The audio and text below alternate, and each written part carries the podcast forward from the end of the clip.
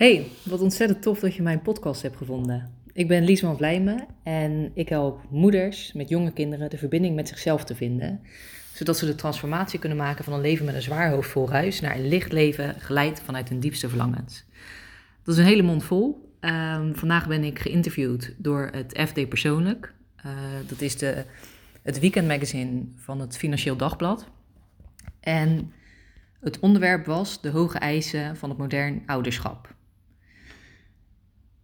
In het artikel, de journalist, die heeft het erover gehad. We moeten specifiek speelgoed kopen dat goed is voor de ontwikkeling van onze kinderen. Zorgen dat ze voldoende slapen. Dat ze genoeg tijd doorbrengen voor een goede hechting. En hij stelde dat opvoeden, uh, net zoals heel veel andere dingen in het leven, geoptimaliseerd moet worden. Anders voelen we ons schuldig. Ik heb daar zelf wel uh, ervaring mee. Ik denk misschien wel iedere ouder die, uh, die op dit moment leeft. Um, er zijn natuurlijk zoveel informatievoorzieningen de laatste tijd bijgekomen. En die wordt helemaal plat gegooid met dit is wel goed, dit is niet goed. Uh, er worden zoveel onderzoeken gedaan om uit te vinden wat er allemaal niet goed is voor je kindje, wat er beter is. Um, en ik wil je vandaag even meenemen in mijn persoonlijke ervaringen, wat voorbeelden. Maar ik wil je ook echt mee gaan geven hoe je hiermee om kunt gaan. Hoe je weer de rust kunt vinden en kunt gaan staan voor wat jij zelf wilt. Um, hoe je de stemmen in je hoofd die je allemaal hebt kunt omzetten en meer rust in je hoofd kunt creëren. Goed, het onderwerp. Hoge eisen in modern ouderschap. Het begon al toen ik zwanger was. Um, alle spullen die je moet gaan aanschaffen. Ik vond het echt ik, ik wist niet eens waar ik moest beginnen. Ik kreeg al paniek als ik van die uitzetlijsten zag. Nou, dan ging je ook nog eens opzoeken. Dan, kom je, ik, ik was bijvoorbeeld zelf heel erg voorstander van natuurlijk ouderschap, natuurlijke kraamzorg, dat soort dingen. Ik weet niet eens meer hoe ik er ooit bij ben gekomen. Maar goed, dan vind je het ergens en dan kom je in een soort van loophole terecht. Um, ik heb ook gelopen bij een praktijk voor verloskundigen die het allemaal op een iets holistischere manier aanpakt, natuurlijke manier. Ik heb het zelf als heel fijn ervaren. Uh, daar begon al wel, nou ja, een van de eerste dingen waar ik toch wel een soort van druk bij voelde of waar ik me wat ongemakkelijk bij voelde. Zij waren heel erg van de thuisbevallingen. En ik was dat totaal niet. Ik heb heel mijn leven lang gezegd: ik wil in een ziekenhuis bevallen. Ik zou echt niet thuis willen bevallen. Ik wil gewoon dat er mensen omheen zijn, specialisten, dat als er iets gebeurt, dat er, dat er hulp is. Um, ja, ik denk dat vooral. En al die troep in je huis en dat bloed en weet ik veel wat allemaal. Dus ik kan me niet op te wachten. Ja, little did I know, ik ben dus uiteindelijk thuis bevallen. Uh, maar goed, die praktijk was er zo erg op gericht. En mijn verloskundige, die had ongeveer twee keer per jaar een bevalling in het ziekenhuis. Ik voelde me dus best wel, ja, toch een soort van vreemde eend in de bijt. Van ja, uh, ik pas een soort van in het plaatje de vrouw die heel graag thuis wil bevallen in een bad met, uh, met uh, wierook erbij en kaarsjes en weet ik veel wat. Maar ja, dat, dat beeld had ik helemaal niet van mezelf. En toch, omdat ik het, omdat ik in die kring zat, ehm, begon ik me daar een beetje toch wel bezwaard over te voelen. Van ja, ik wil toch wel gewoon naar het ziekenhuis, ik wil het anders. Geboorteplan, ik was ook nou ja, best wel voorstander van pijnstilling. Denk, ja, als ik pijn heb, dan wil ik gewoon pijnstilling. Als ik het allemaal niet te, niet te doen vind. En dat was iets wat zij ook niet echt heel veel uh, deden, omdat ze dus al die thuisbevalling hadden. Dus ja, ik heb daar wel gewoon gestaan voor mijn voorkeuren. Uh, ik heb ze duidelijk geuit. Ik durfde er wel achter te staan, maar toch werd ik daar al in mijn zwangerschap een beetje aan het wankelen gebracht. Uit goede bedoelingen niemand heeft kwaad met mij in de zin gehad. Maar goed, dat, dat gebeurt er heel zelden, lijkt mij. Dat was een ervaring. Toen hebben we kraamzorg geboekt. Uh, uitgekozen, natuurlijke kraamzorg, zoals ook lactatiekundige. En nou, toen hebben we een borstvoedingspresentatie van haar gehad. Ik denk dat ik niet eerder zoveel spijt heb gehad van het uitgeven van 75 euro voor een presentatie waarbij je alleen maar bangmakerij meemaakt. Het was echt verschrikkelijk. Hit en ik zaten elkaar tijdens die presentatie ook een paar keer aan te kijken van wat is dit in hemelsnaam? Een van de eerste dingen die er als quote stond, of als feit, is van er zijn zoveel kinderen, en dan een getal, die overlijden omdat ze niet de eerste zes maanden borstvoeding krijgen. Ik dacht echt, oh my god, wat gaat mijn kind nou dood ineens als ik geen borstvoeding geef? Dit was gebaseerd op de cijfers over de hele wereld en de sterfgevallen die gaan dan vooral over de kindjes in derde wereldlanden waarbij ze kunstvoeding geven met vervuild water. Dus dat ze vanuit een bacterie uit het water uh, komen te overlijden. En dan denk ik, ja, wat, dit is toch helemaal niet relevant voor mij? Waarom wordt deze angst nu bij mij geplant, wat toch uiteindelijk ergens onbewust blijft hangen? Dit, deze informatie, waarom, waarom vertel je me dit überhaupt? Ik vond het totaal niet relevant en hit ook niet. Nou, vervolgens ging het over dat je dan de eerste zes maanden echt wel borstvoeding moet geven, want anders ben je gefaald als moeder. Um, ja, dat zei ze natuurlijk niet letterlijk zo, maar daar kwam die hele presentatie uh, wel een beetje op neer. Ze liet toen de beelden zien van een baby die net geboren was uh, via natuurlijke weg. Die ging aanhappen aan de borst. En ze liet ook een filmpje zien van een baby waarbij de moeder een ruggenprik had gehad, die ging aanhappen. Nou, dat kindje met de natuurlijke bevalling, dat ging helemaal prima. Uh, ja, je zag het kindje gewoon naar die borst uh, happen en klaar. Dat, dat was het eigenlijk. Nou, toen kwam dat filmpje van die ene die dan een ruggenprik had gehad. Nou, dat was zo zielig en naar om te zien. Je zag zo'n babytje helemaal struggelen en het lukte maar niet. En nou, zeker als je zwanger bent, je hormonen die zitten al uh, heel uh, hoog. Ik dacht, oh god, ik, ik kan dit echt niet doen. Ik kan mijn kind dit niet aandoen. Die is voor de rest van zijn leven verziekt op het moment dat ik een ruggenprik neem. Dus daarbij was de druk geboren om geen pijnstilling te willen. Omdat dat dus niet heel goed zou zijn voor het kindje. Voor onze baby ik heb me daar uiteindelijk echt wel weer overheen kunnen zetten. En Hit ook, want die was ook aardig uh, angstig geworden voor dit soort dingen. En die heeft heel veel uh, onderzoek gedaan, dingen opgezocht. Maar we konden de rust weer vinden en we hebben die stem weer kunnen laten varen.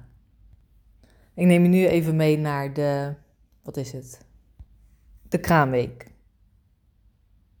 Ik wil je niet heel lang meer bij stil zijn. Ik merk dat ik hier toch nog iedere keer een beetje geïrriteerd door raak. Dus dat zijn wel dingen waar ik nog naar mag kijken. Um, tummy time. Onze kraamzorg die heeft dit uh, geïntroduceerd en die zei van ja, je moet iedere dag je kindje zoveel tijd op zijn buik leggen. Nou, Cato die vond dat helemaal niks. Uh, die begon ongeveer gelijk te huilen en wij maar iedere keer denken van ja, maar dit is wat we moeten doen nu schijnbaar. Want anders ontwikkelt ze niet goed, uh, wordt de nekje niet sterk, zal ze pas op de dertigste gaan lopen, ik weet het niet wat we dachten. Maar het werd ons zo erg uh, aangeraden om dit echt te gaan doen. En je had op internet dan ook allemaal schema's van nou, eerst doe je het zo lang en dan doe je het zo lang. Echt, als die kraamzorger het niet had verteld, had ik waarschijnlijk niet eens geweten wat het überhaupt was. Maar omdat je aandacht ernaar toegetrokken wordt, je aandacht wordt erop gelegd door een ander. En daardoor gaat er ineens weer een wereld voor je open. En zeker die eerste dagen, die waren voor mij, nou, Google was mijn beste vriend. Ik zocht alles op. Want ja, je zit ineens met een kind en dit is er en dat is er en de borstvoeding. Uh, hapt ze wel goed aan? Drinkt ze wel genoeg? Uh, hoe moet ik kolven? Hoe uh, bewaar ik mijn moedermelk? Dat soort dingen. is het normaal dat mijn kindje zoveel huilt? Goed, ik googelde heel veel.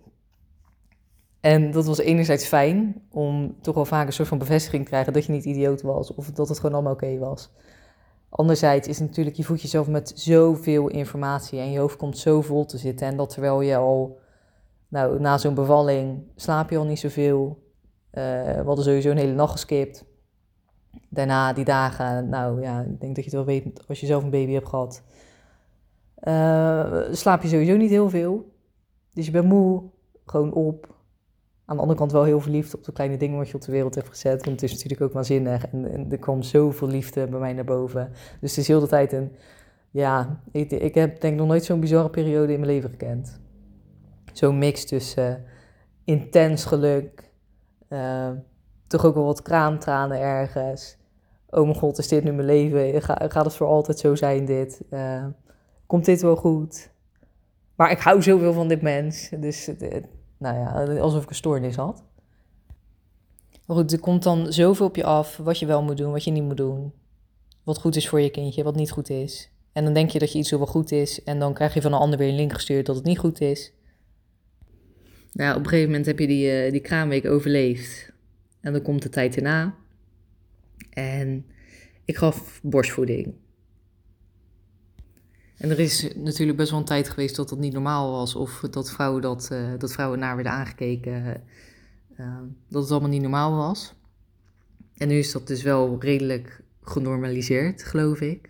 Dat vrouwen wel gewoon met respect worden behandeld op het moment dat ze een kind voeden. Maar daarin voelde ik ook weer toch een bepaalde druk. Om dan ook borstvoeding te geven, gewoon in het openbaar. Ja, of het nou in een restaurant was of bij je familie of weet ik veel wat. Uh, en het is heel lief en goed bedoeld dat mensen zeggen van... oh nee, je kan het gewoon hier doen hoor. Maar ik had er zelf helemaal die behoefte niet aan. Als ik met een... Uh, of op een, op een terras zat met vriendinnen... en iemand zei van... oh nee, je kan er, je kan er gewoon hier. Ik denk, ja, dat, dat gaat eigenlijk helemaal niet. Want ik heb aandacht voor mijn kindje nodig. Ben ongeveer zes keer zeker in het begin bezig dat ze wel goed aan had. En dan laat ze weer los. En ze had een te korte tongriem. Dus daar hebben we ook uh, best wel uh, een tijdje mee uh, gezeten. Ze had krampjes. Iedere keer na tien minuten begon er gewoon een luid gekrijs. omdat ze zoveel pijn had in de darmen. Dan zit je toch ook niet helemaal op je gemak. Maar ook, ik vond het gewoon zo'n fijn moment om even te bonden. En om gewoon echt even alleen met mijn kindje te zijn. Niet bezig met van alles en nog wat. Niet met mijn telefoon, niet met... Ik weet het niet. Natuurlijk op een gegeven moment als je zo vaak op een dag voedt... dan zit je echt wel eens eh, tv te kijken of, uh, of doe je iets anders. Maar het was gewoon zo'n fijn moment voor ons twee. En zeker later merkte ik ook op het moment dat ik met anderen aan het praten was. Cato die ging dan huilen, die vond het helemaal niet meer fijn aan mijn borst. Uh, ze raakte afgeleid of er was wel iets anders. Op het moment dat ik niet volledig met mijn aandacht bij haar was, ging het gewoon lastig. En dat heb ik nog niet eens gehad trouwens over de anderhalve maand borstweigering die ik met haar heb uh, meegemaakt. Ze heeft dus anderhalve maand lang niet aan mijn borst gewild, waardoor ik heel de dag alleen maar een fles aan het geven was en kolven. En dat was ongeveer een hele dag. Op een gegeven moment wilden ze alleen nog maar liggen en drinken. Ja, nou, je ziet mij niet ergens op een vloer gaan liggen in een restaurant. Dat al helemaal niet. Maar ook bij vrienden thuis of bij mijn ouders, mijn schoonouders. Ik ging gewoon altijd even naar de slaapkamer om samen met haar op bed te liggen om te voeden. En dat vond ik veel fijner dan wanneer ik daar op de bank zou gaan zitten. Toch, ja, gewoon met, met een niet heel prettig, een beetje opgejaagd gevoel. En het stomme is dat ik me dan toch een soort van schuldig voelde naar diegene. Of dat ik dacht van ja, maar ik moet eigenlijk wel gewoon hier blijven en dit gewoon doen. Anders ja, stel, ik hun teleur of zo. Of doe, ik iets wat niet past in het plaatje of wat hoort. En dat is hetgene wat het zo vermoeiend maakt. Al die stemmen, al die dingen die, waarvan je denkt dat je ze moet doen um, die je eigenlijk niet eens zo graag wil. Of die je helemaal niet wilt. Gewoon omdat je continu vanuit allerlei kanten zoveel informatie krijgt, zoveel adviezen. En je eigenlijk helemaal of deels verwijderd raakt van je intuïtieve vermogens die je gewoon als ouder hebt. Want jij weet hoe jij het beste voor je kindje kunt zorgen. Je weet wat jouw kindje nodig heeft. Je kan dat echt allemaal vinden, die antwoorden, in jezelf, in de verbinding met je kindje. Daar heb je geen speelgoedautootje in de uh, speelgoedwinkel voor nodig waarop staat waar dit goed voor is, voor welke ontwikkeling en bla bla bla. Je kan het zelf uitvinden. Je weet waarschijnlijk dat borstvoeding de beste voeding is die je kindje kunt geven. Maar als je dat niet wil, dan hoef je dat niet te doen. En het is helemaal oké als je dat niet doet. Of als je wil stoppen, dan is dat ook oké. Ik voelde best wel een ja, druk om in ieder geval die zes maanden wel vol te maken. Omdat dat dan de beste voeding voor de kinderen is. Maar ook omdat mijn dochter gewoon al zulke ontzettende darmkrampen had. Ik was blij dat ik er eindelijk vanaf was. Ik denk, nou, als ik nu met kunstvoeding ga beginnen, dan gaat het helemaal weer uh, mis. En ik begon net een beetje uh, mentaal te herstellen van die periode. Ik merk gewoon dat alles wat je, of in ieder geval bijna alles wat je tot je neemt, aan informatie, aan adviezen, het brengt zo ontzettend veel onrust. En dat is eigenlijk helemaal niet nodig. Uiteindelijk zal het er altijd om draaien dat het goed met jou gaat, goed met je partner eventueel en goed met je kindje. En jullie zijn echt capabel genoeg om daar samen voor te zorgen, of alleen als je in je eentje staat. En ga nu eens echt even na van waar voed ik me mee? Welke informatie neem ik allemaal tot me? Zit je bijvoorbeeld in allerlei groepen op Facebook? Uh, ben je lid van communities? Heb je bepaalde apps die dingen vertellen over je kindje, over de groei? Uh, fora waar je lid van bent? Misschien wel bepaalde influencers of mensen die je volgt. En ga dan eens even na welke geven jouw energie, welke zorgen ervoor dat jij je goed voelt en hoeveel zorgen ervoor dat je hoofd meer wordt gevuld, ehm, dat je meer ruis ervaart, meer gedachten krijgt, het gevoel krijgt dat je het niet goed doet zoals je het nu doet, het gevoel dat je nou niet meer op je gevoel kunt vertrouwen omdat je het anders had bedacht. Ga dat gewoon eens na. Welke informatiebronnen neem ik tot me? Waar zit ik in? Waar zet ik mezelf in? Wat ervoor zorgt dat ik onrust ervaar. En als je dat hebt gedaan, stop dan ook met het saboteren van jezelf. Weet je, ontvolg die mensen, ga uit de community, verwijder die app.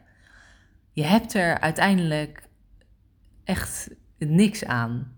En als er wel iets is wat je eruit haalt, zorg dan dat je ook alleen daarvoor gaat zoeken of gaat kijken. Raak niet weer verdwaald in alle andere onderwerpen, topics die er zijn, blogs, uh, andere moeders die worden getagd. Jij creëert zelf de, de bubbel waar je in zit.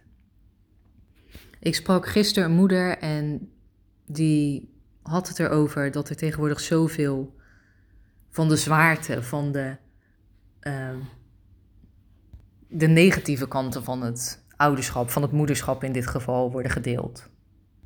Ze zei dat het bijna een trend lijkt om al het negatieve maar gewoon te delen. En dat er geen ruimte meer mag zijn voor al het mooie wat het moederschap te bieden heeft. En hoe leuk kinderen ook zijn. Dus dat het alleen maar de, de zware, de eerlijke, de kwetsbare, de pure kant mag uh, benadrukken. En ik moet heel eerlijk zeggen, ik wist dit niet. Uh, ik, ik zit zelf niet in die pool van moeders, influencers die dat schijnbaar doen. Ik vind het trouwens ook niet iets wat per se verkeerd is, maar zij ervaarde wel een bepaald gevoel erbij. En het was niet dat ze het, als ze het las, iedere keer dacht van, oh nou leuk, ik krijg er echt energie van. Dus ja, weet je, ontvolg die mensen dan gewoon, als het jou niks brengt. En dit zijn hele praktische stappen die je, die je kunt zetten. Maar er gaat natuurlijk ook heel veel innerlijk werk in zitten. Je zal altijd stemmen blijven horen. Of het nou van je ouders is, van je familie, van je vrienden, misschien van een juf van de basisschool vroeger die ooit iets heeft gezegd wat is blijven hangen. Die stemmen zullen er altijd zijn. Dus alles wat je nu al tot je hebt genomen, je zal het misschien een keertje terug zien komen. Of je hoort het een keer als je een keuze wil maken. Je laat je erdoor beïnvloeden. En de vraag is dan niet hoe laat ik die stemmen verdwijnen. Want als de ene verdwijnt, dan komt er wel weer een andere voor terug. De vraag is hoe ga je ermee om? Hoe zorg je ervoor dat ze naar de achtergrond vervagen? Dat ze niet meer op de voorgrond zitten. Dat je vanuit je eigen kracht en je eigen wil beslissingen kunt maken. Dat je vanuit je intuïtie het ouderschap in kan gaan. En dat je erop vertrouwt dat je zelf de behoeften van je kindje kunt aanvoelen. En ga maar eens na hoe vaak je die stem eigenlijk niet hoort. Want dat gebeurt heel de dag door. Niet alleen in het ouderschap, maar ook op je werk, ehm, in je relatie. Eigenlijk iedere keuze die je mogelijk hebt te maken. Wanneer acteer jij nou echt vanuit jouw ware kern, vanuit jij, wat jij daadwerkelijk wil, jouw ware verlangens? En wanneer laat je je tegenhouden door iemand, iets, een stem die er in jouw hoofd rondspookt? De eerste stap daarin, zou ik willen zeggen, is vooral bewust worden van dat die stem er is. Sta er eens even bij stil op het moment dat je een beslissing moet maken. Wat gaat er allemaal door je hoofd heen? Wat hoor je? En kijk eens of je misschien zelfs kunt herkennen wie je hoort. Maar dat is alweer een stap verder. Wees je gewoon bewust. Jij bent op dat moment niet jouw gedachte. Je bent nooit je gedachte. Jij bent niet die stemmen. En je kan altijd een beslissing maken, een keuze maken. Vanuit je intuïtie. En verwar dit even niet met instinct. Vaak hebben we instinctief een, ehm, een eerste reactie die ervoor zorgt dat we onszelf veilig houden. Dat is heel handig, want uh, nou ja, je zit in een auto, je rijdt bijna ergens tegenaan en je trapt, je trapt op de rem. Waardoor je uiteindelijk heel uit toch weer het, uh, de situatie uitkomt. Daarbij denk je ook niet na van, oh, wat zou degene achter me vinden op het moment dat ik rem? Of wat, wat zou mijn moeder hiervan zeggen? Nee, je gaat gewoon. Dat is je eerste reactie, klaar. Maar die reactie is er dus wel om jou veilig te houden. En op het moment dat jij bijvoorbeeld een beslissing wil maken over of jij wil stoppen met borstvoeding, maar er is een stem in je hoofd die altijd al zegt van, maar dat is niet goed voor mijn kind. Um, maar dan raak ik de band met mijn kind kwijt. Of dan vindt mijn kind me niet meer leuk, even een, een uitvergroot voorbeeld. Dan zal jij vanuit je eerste reactie gelijk zeggen: nee, nee, ik ga het niet doen. Terwijl als je meer vanuit je intuïtie een beslissing gaat nemen, dan gaat het niet meer om het behouden van je veiligheid. Dan gaat het erom, wat wil jij echt? En als je al meerdere keren op het punt hebt gestaan om te stoppen, omdat het je gewoon te veel wordt, omdat je uh, niet meer zo gebonden wilt zijn, omdat je geen zin meer hebt om te kolven, omdat het gewoon te veel energie van je kost, dan zal je uiteindelijk als je intuïtief gaat beslissen, waarschijnlijk echt wel ervoor kiezen dat je er wel mee gaat stoppen en accepteren wat daarvan de gevolgen zijn, maar vooral zal het rust creëren. Je weet op het moment dat je intuïtief hebt gekozen, als je dan in die keuze zit, als je hem hebt gemaakt, dan voel je een last van je schouders afvallen. Je weet dat het goed is. Je weet dat het goed zit. Want dit is de beslissing die je had moeten maken. En misschien hoor je dan in de verte nog wel ehm, die vriendin die ook moeder is, die zegt van, oh ja, nee, ik heb uh, twee jaar mijn kinderen borstvoeding gegeven. Oh nee, ik zou echt geen uh, kunstvoeding geven, want uh, ja, dat, dat trekt me gewoon niet en dat is toch niet zo goed voor je kind, geloof ik. Maar dat maakt dan niet meer uit, want jij hebt een beslissing genomen op jouw gevoel, op wat jij wil. En dan kan ook niemand jou meer van je stuk brengen.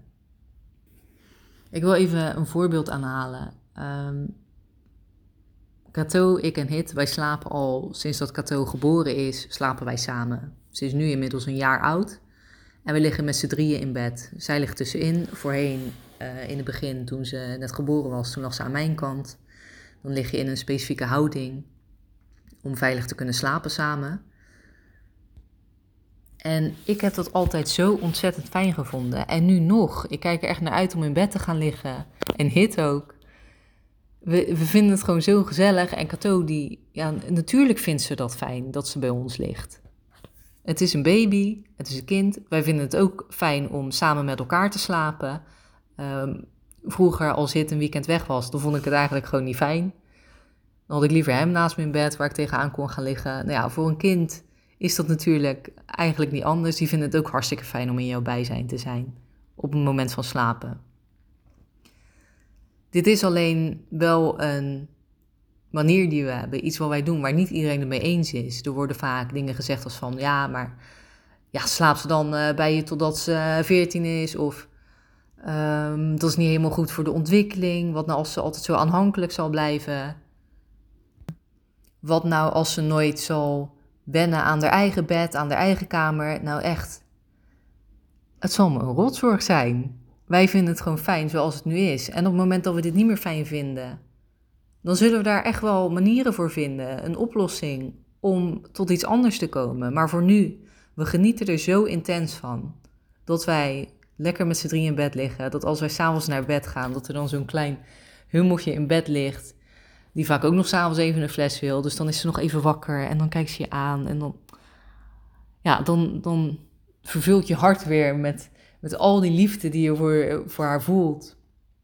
Dus wij worden hier heel gelukkig van. En het voelt voor ons gewoon ontzettend goed. Dus dat doen we ook gewoon. En daardoor vind ik het ook, omdat ik er zo achter sta, omdat ik vanuit mijn intuïtie voel, dit is gewoon wat wij fijn vinden, wat, wat, wat wij willen doen. Daardoor vind ik het niet moeilijk om het gesprek erover aan te gaan, om meningen van anderen te horen. Op het moment dat ik zelf zou twijfelen erover, ja, dan zou ik wel misschien meer gaan twijfelen ook op het moment dat andere ouders of andere mensen er iets over te zeggen hebben. Of als ik een artikel lees, ja, dan, dan ben ik daar echt niet immuun voor. Maar we hebben deze beslissing genomen en het voelt goed, dus we doen dit.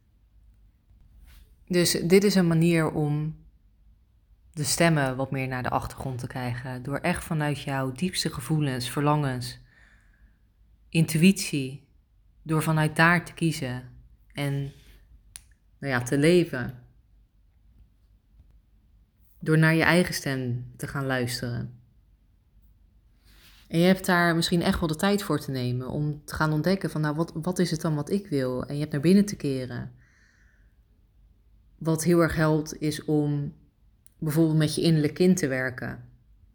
Het meeste van de stemmen die we allemaal horen, dat zijn toch wel stemmen van die wij vroeger hebben meegemaakt. Van bepaalde situaties die je niet prettig vond. Ehm, misschien een trauma wat je als kind hebt meegemaakt.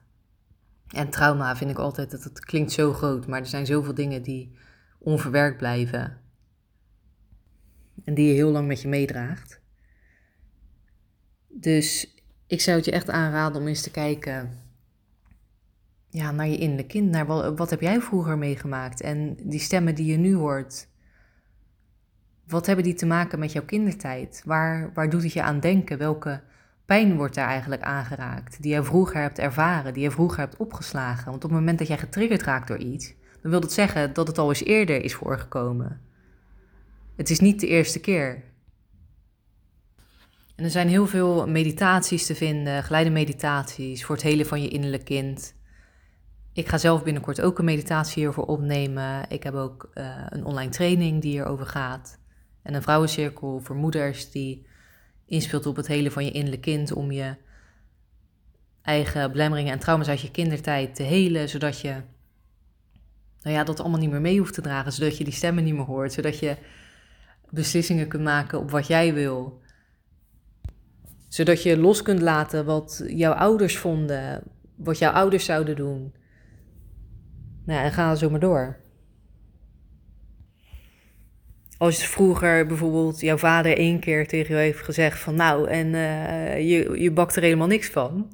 Dan kan het zomaar zijn dat in dat ene moment, wat misschien achteraf gewoon even een heel lullig gekozen moment bleek, dat je daar dat zo erg hebt ingeprint, dat jij die stem op, in bepaalde situaties toch nog weer naar voren hoort komen. Dat je dan iets aan het doen bent en dat in je hoofd zich dan weer afspeelt. Ja, ik bak er ook eigenlijk helemaal niks van. En mijn vader die had toch gelijk. Nou ja, en dat is natuurlijk nergens voor nodig. Om dat zoveel jaren met je mee te dragen, die ene opmerking die iemand uh, ooit heeft gemaakt. Dus je hebt vooral naar het verleden te kijken. Wat heb je meegemaakt waardoor jij nu bepaalde beperkingen voelt?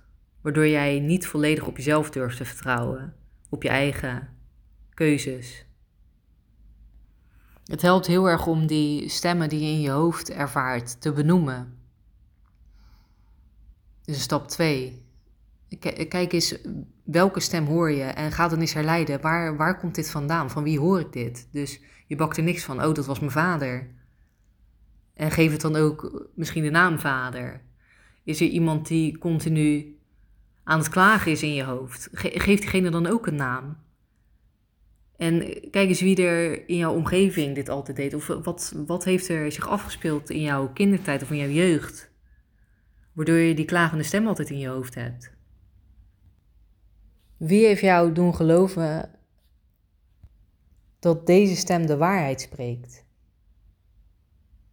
En identificeer ze en ook al weet je niet precies waar ze vandaan komen, zet ze dan weg als een aparte stem en weet dat ze niet van jou zijn. Dat het niet is dat jouw hogere kern op tegen jou spreekt op deze manier. Want zo gaat dat niet. En als je echt helemaal bij de kern van jezelf komt, dan. Ja, dat is, uh, dat is mega waardevol. Dat is zo mooi om echt in verbinding te staan met jezelf, met je hogere bewustzijn. Maar goed, dat is iets, daar ga ik een andere keer over praten. Dan vallen alle stemmen weg en alle beperkingen. Alles wat je dacht te zijn. Dan kom je echt bij de kern. En dan is alles mogelijk. Dan is er alleen maar vrijheid, liefde, licht. Ik wil je nog even een oefening meegeven. En dat heeft te maken met het neerzetten van je gedachten. Heel vaak, zeker als je aan het piekeren bent, als je dus ook ehm, al die stemmen in je hoofd hoort, het gaat maar door. En er komt waarschijnlijk wel een moment dat het eventjes stopt, maar dan ben je alweer 20 minuten verder of nog verder. Of nou, het kan ook korter zijn natuurlijk. Maar we staan er zo vaak niet bij stil. En ik wil je vragen om gewoon eens echt even te gaan zitten. En misschien kan je dat nu wel even doen. Uh, misschien zit je in de auto, misschien ben je thuis ergens, misschien zit je op je werk. Uh, neem eens even vijf minuten de tijd. Ga zitten en zorg eerst dat je even wat meer kunt ontspannen. Zet je voeten beide op de grond.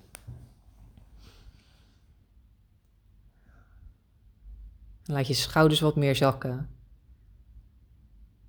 Misschien wil je even je ogen sluiten. Kijk of je je gezicht kunt ontspannen, je front. En adem dan eens diep in naar je buik. En uit door je mond.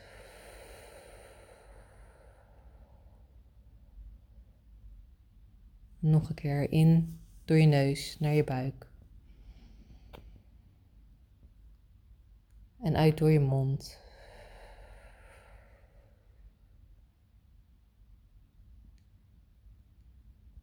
En stel jezelf dan eens de vraag: Wat is de volgende gedachte die er in mij opkomt?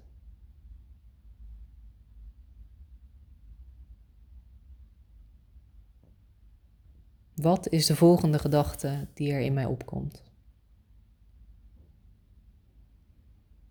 En kijk dan eens of je hem vanuit je hoofd, in je hoofd, voor je kunt zetten. Misschien zie je een filmscherm, misschien zie je hem gewoon door de lucht heen zweven.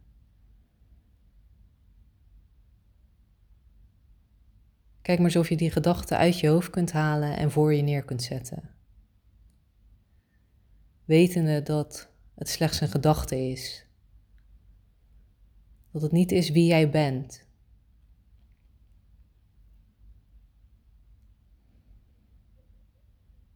Dan word je iedere keer weer even bewust op het moment dat er meerdere gedachten komen. Als je er weer wat meer in verstrikt raakt, word je dan weer bewust van dat het slechts gedachten zijn. En dat je ze zo weer kunt stoppen.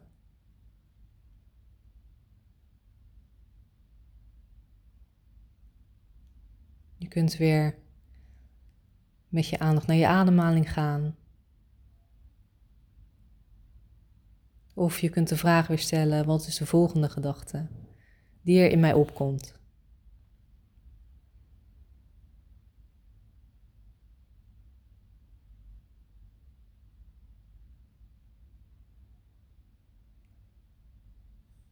Ga gewoon zo eens vijf minuten zitten en ervaar gewoon even hoe het is om bewust te zijn van je gedachten. Om ze niet continu door te laten razen, maar om ze even voor je te laten zien. Ze te pauzeren. En dat wil niet zeggen dat je dan helemaal geen gedachten meer hoeft te hebben. Dat is ook helemaal niet de bedoeling.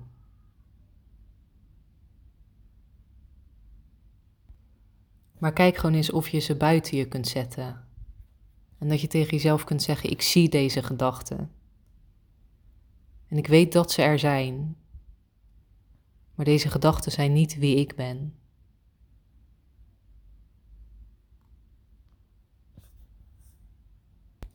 Ik ga proberen hem nog heel even kort samen te vatten.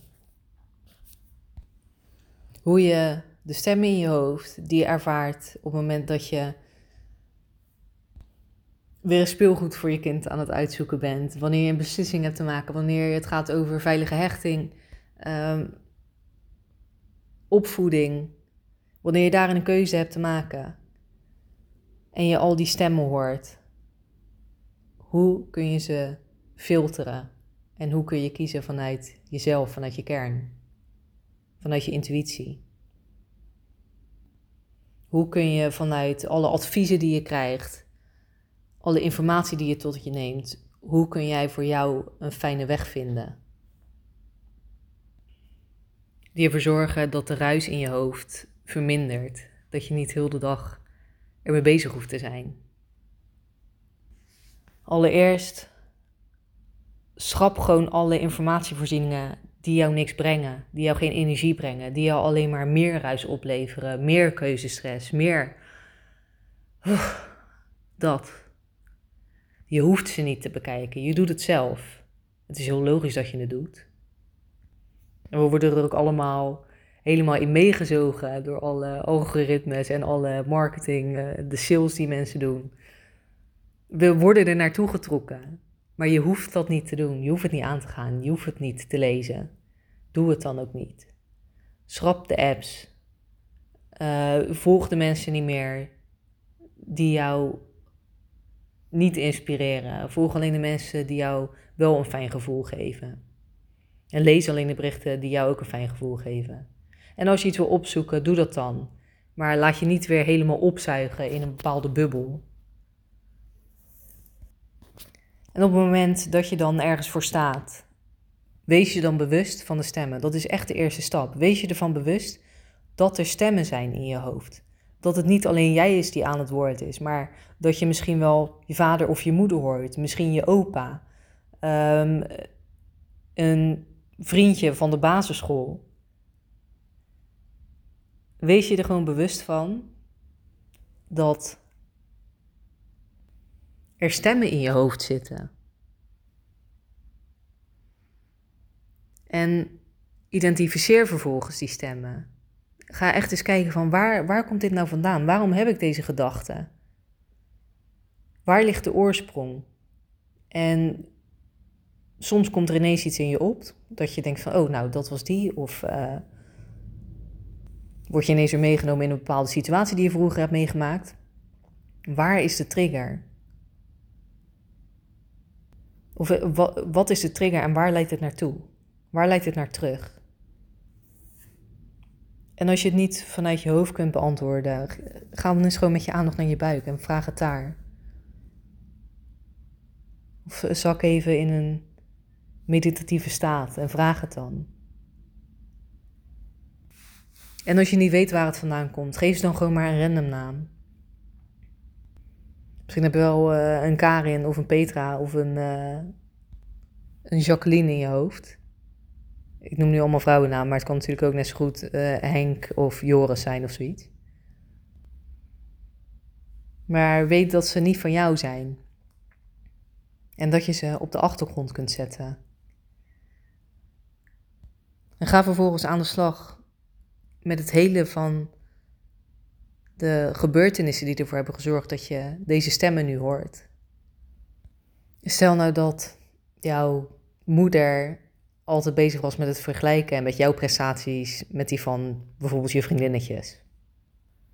Dat je thuis kwam en dat je vertelde wat voor cijfer je had en dat ze gelijk vroeg van, oh, maar wat, wat had die?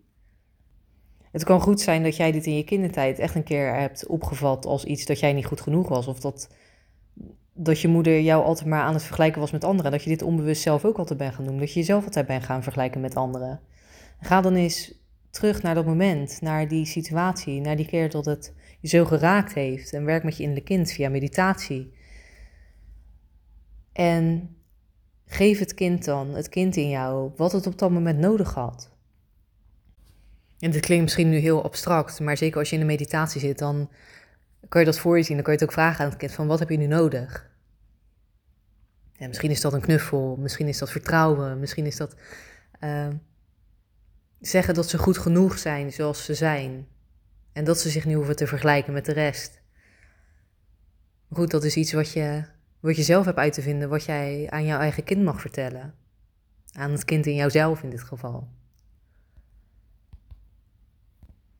En op het moment dat je die stem hebt geïdentificeerd, wanneer je nou ja, trauma uit het verleden hebt geheeld, dan kun je zoveel krachtiger je eigen beslissingen gaan maken.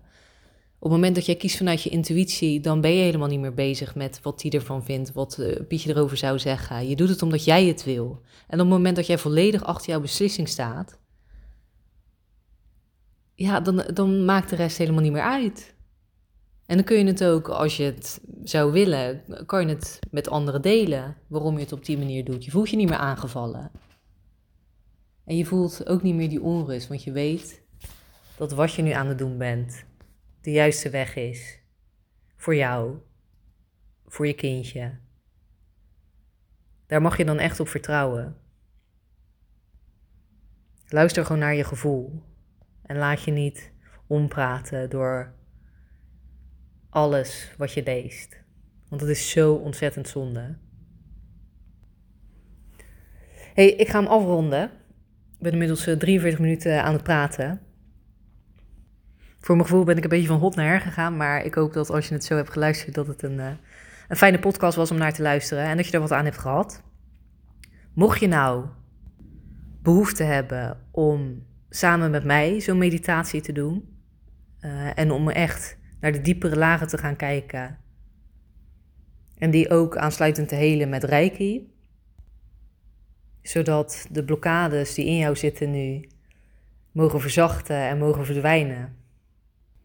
Waardoor jij meer in balans bent. Veel meer rust in je hoofd ervaart. Waardoor de ruis naar de achtergrond verdwijnt. En je meer in het moment kunt zitten, meer kunt genieten van het moment. Boek dan een behandeling. Uh, ik heb de link even in de show notes toegevoegd. Daar kun je een behandeling boeken. En als jij een moeder bent van jonge kinderen, en daarmee bedoel ik uh, dat je in ieder geval één kind hebt wat nog onder de 12 is. Ik host verschillende vrouwencirkels met moeders, waarbij we echt ingaan op een specifiek thema. We verbinden daar met elkaar en we gaan samen kijken hoe we uh, de pijn rondom dat thema kunnen helen. Dit klinkt misschien een beetje vaag. Ik heb het net bijvoorbeeld een paar keer over dat innerlijk kind gehad en die meditatie die je daarmee kunt doen. Om echt trauma's uit, uh, uit je verleden te helen. Um, is dan weer zoiets zwaars, maar het kunnen ook gewoon kleine gebeurtenissen zijn die ooit impact op jou hebben gehad. Een vader die iets zei, een moeder die iets zei, een juf die iets zei. Om daar naar terug te keren en dat dan te helen, zodat je die hele belemmering die je daarop hebt zitten, dat je die nou ja, weg kunt halen. Dat is het thema voor een aankomende cirkel die ik geef, het hele van je innerlijk kind. En dit is een gratis cirkel, hij vindt online plaats. Ehm, er is plek voor maximaal 12 vrouwen. En het is op 9 maart om half acht avonds. Ik heb de details en de link naar het event in de show notes ook geplaatst. Dan wil ik je verder nog even wijzen op mijn Instagram. Uh, Lisa van Vlijmen. Ik deel de laatste tijd best wel veel over mijn reis als moeder. Um, tegelijkertijd ook wat ik doe, waar ik je mee zou kunnen helpen. Dus als je daar geïnteresseerd in bent, ga me dan even volgen. In mijn link in bio kun je ook nog meer van mij vinden. Wat ik doe. Um, aankomende events. En ik denk dat dat echt wel de plek is, Instagram nu, om uh, nou ja, mij iets beter te leren kennen. Dus als je benieuwd naar me bent, volg me dan daar. Hey, ik vind het echt super tof dat je tot het einde hebt geluisterd. Waanzinnig dat je hier bent geweest. En ik hoop echt dat je er wat aan hebt gehad. Ik wens je nog een hele fijne dag en tot de volgende.